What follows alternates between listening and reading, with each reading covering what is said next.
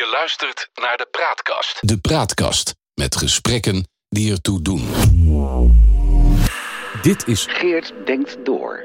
de periodieke politieke opinie op de Praatkast. De visie op politiek Den Haag volgens Geert Dales. Stem Victor Chevalier, tekst Geert Dales. Het meest vermakelijke aan de onthullingen in de Volkskrant van 16 april 2022, met de titel Het was wel onveilig bij D66, dat gaat over de doofpot waarin de smeerpijperij in de hoogste regionen van D66 verdween, is natuurlijk de totale afbladdering van het fatsoensvernis dat de partij, vooral onder aanvoering van de huidige politieke leider Sigrid Kaag, over zichzelf heeft uitgesmeerd. Het dédain waarmee zij en haar groepies neerkijken op de mores van het gewone volk. Wie zijn die mensen?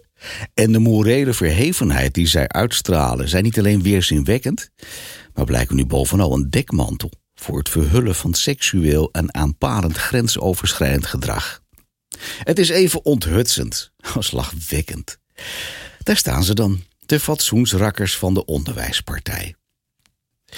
Ineens lees je de tekst waarmee partijstrateeg Frans van Drimmelen zichzelf op de website van het chique Haagse lobbykantoor Dreugen en van Drimmelen, met vestigingen in Den Haag, in Brussel, Shanghai, New York en Kopenhagen, waar hij zichzelf aanbeveelt met, dat zie je dan met hele andere ogen.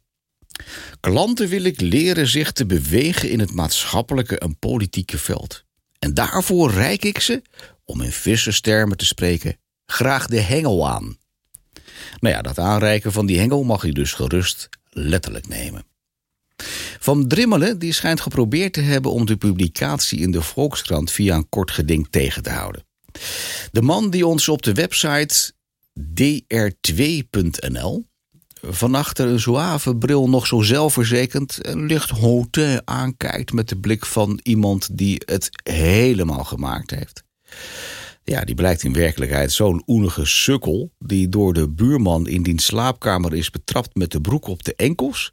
en die buurman vergeefs onder druk zet om de mond te houden. Intussen knaagt de vraag wat het motief was van Sigrid... je weet wel, die dame met nieuw leiderschap, Sigrid Kaag... wat nou het motief was om haar het wangedrag van Frans van Drimmelen... en een reeks andere D66'ers onder de pet te houden. Het meest opmerkelijke aan de onthullingen is immers niet de stuitende werkvloer, geilneverij en machtsmisbruik voor seksueel gewin, maar het feit dat het partijbestuur en de politieke roerganger deze meneer wilde soufferen in plaats van hem op te knopen aan de hoogste boom. Vanwaar deze cover-up? De hoofdvraag is: wat weet Frans van Drimmelen van andere D66-prominenten? Dat hem blijkbaar zo machtig maakt dat zijn ranzige en waarschijnlijk strafbare gedrag met de mantel der liefde bedekt moest worden. Nu wij, met dank aan de Volkskrant, weten dat er een openbaar rapport is van het onderzoeksbureau Bing, waarin Van Drimmelen er nog goed mee wegkwam, maar ook een vertrouwelijke bijlage, waaruit juist blijkt dat de man absoluut niet deugt. En er kan er geen andere conclusie mogelijk zijn dan dat Van Drimmelen de partijleiding heeft gechanteerd om te verhinderen dat de inhoud van het geheime rapport in het openbare deel zou komen. Een rapport in twee delen was het compromis dat in het geheim werd gesloten. Het tweede deel was de basis voor de partijleiding om Van Drimmelen zijn functies te ontnemen en verder buiten de deur te houden. Het eerste gedeelte dat kon weer gebruikt worden om publiekelijk goede sier te maken. Er is geen sprake van een structureel onveilige omgeving bij D66. Zo bezwoer Sigrid Kaag. En zo ken ik de partij ook. Nou, het bleek totale nonsens. Kaags verweer dat zij de bijlage niet kende, is volstrekt ongeloofwaardig. Misschien had ze het stuk niet gelezen, maar het is ondenkbaar dat de partijvoorzitter, die het stuk wel kende, er niet met haar over gesproken heeft en over wat ermee te doen. Frans van Drimmelen en Kaag onderhielden nauwe betrekkingen. Ineens was hij zijn partijfuncties kwijt. Dat moet Kaag toch gezien hebben? Van Drimmelen liep al zo lang mee in D66 en was dermate geïnvolveerd dat hij op de hoogte moet zijn van allerhande ontsporingen in de hoogste regionen.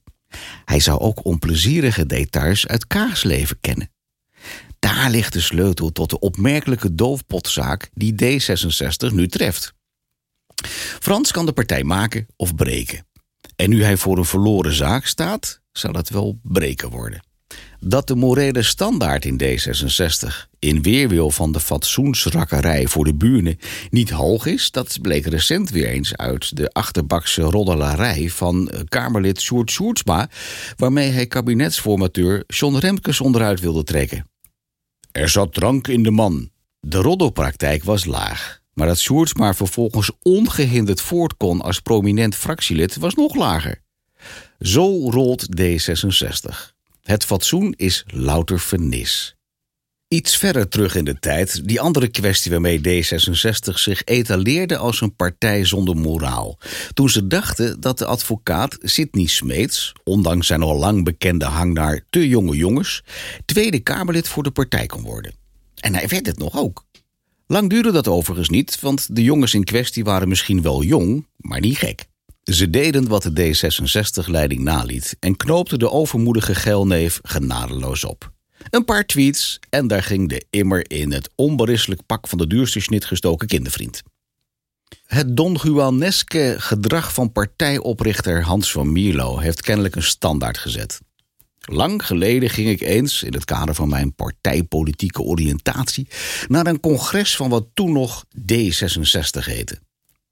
Wat mij vooral bijbleef was de schaamteloosheid waarmee partijprominent en minister Hans Gruiters op dat congres stond te tongen met een voluptueuze dame.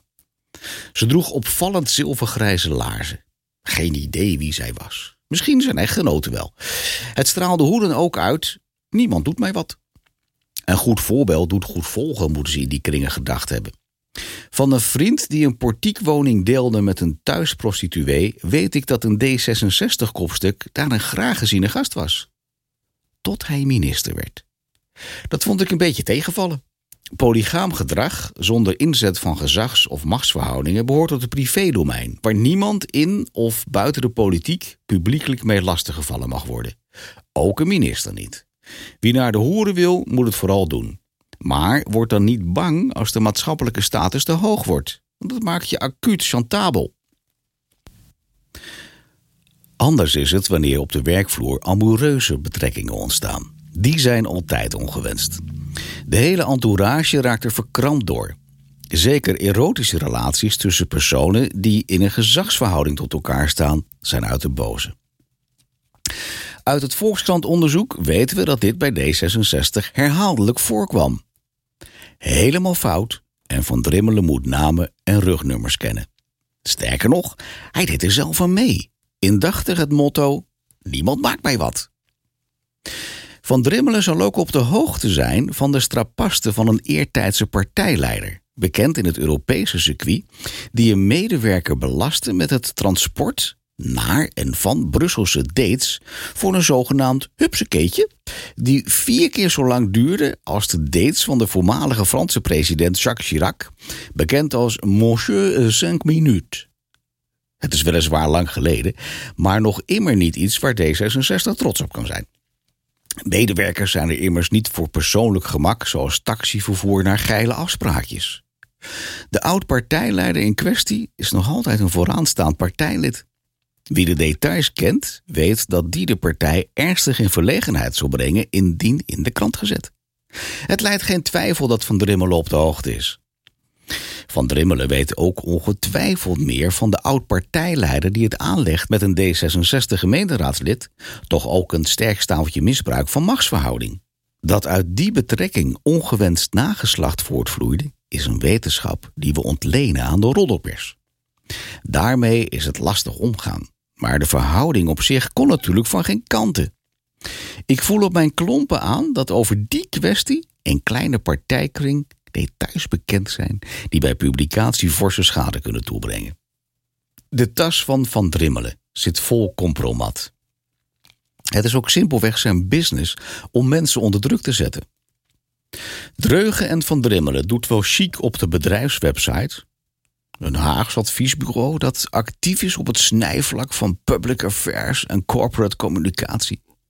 Maar het is niet anders dan een ordinaire lobbyclub van goedogende, verbaal begaafde, vlotte typjes die bedrijven en particulieren tegen een vorstelijke honorering een handje helpen om in Haagse en Brusselse politieke kringen steun voor hun handel, welke dan ook, te verwerven. En daarbij komt materiaal om druk uit te oefenen altijd goed van pas. Van Drimmelen weet dat als geen ander. Aan zijn uitgegooide hengel hangt al jarenlang een vooraanstaande politieke partij. Eentje die in de regering zit.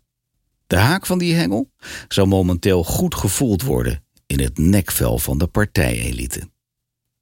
Was getekend Geert Dales, 17 april 2022. De Praatkast.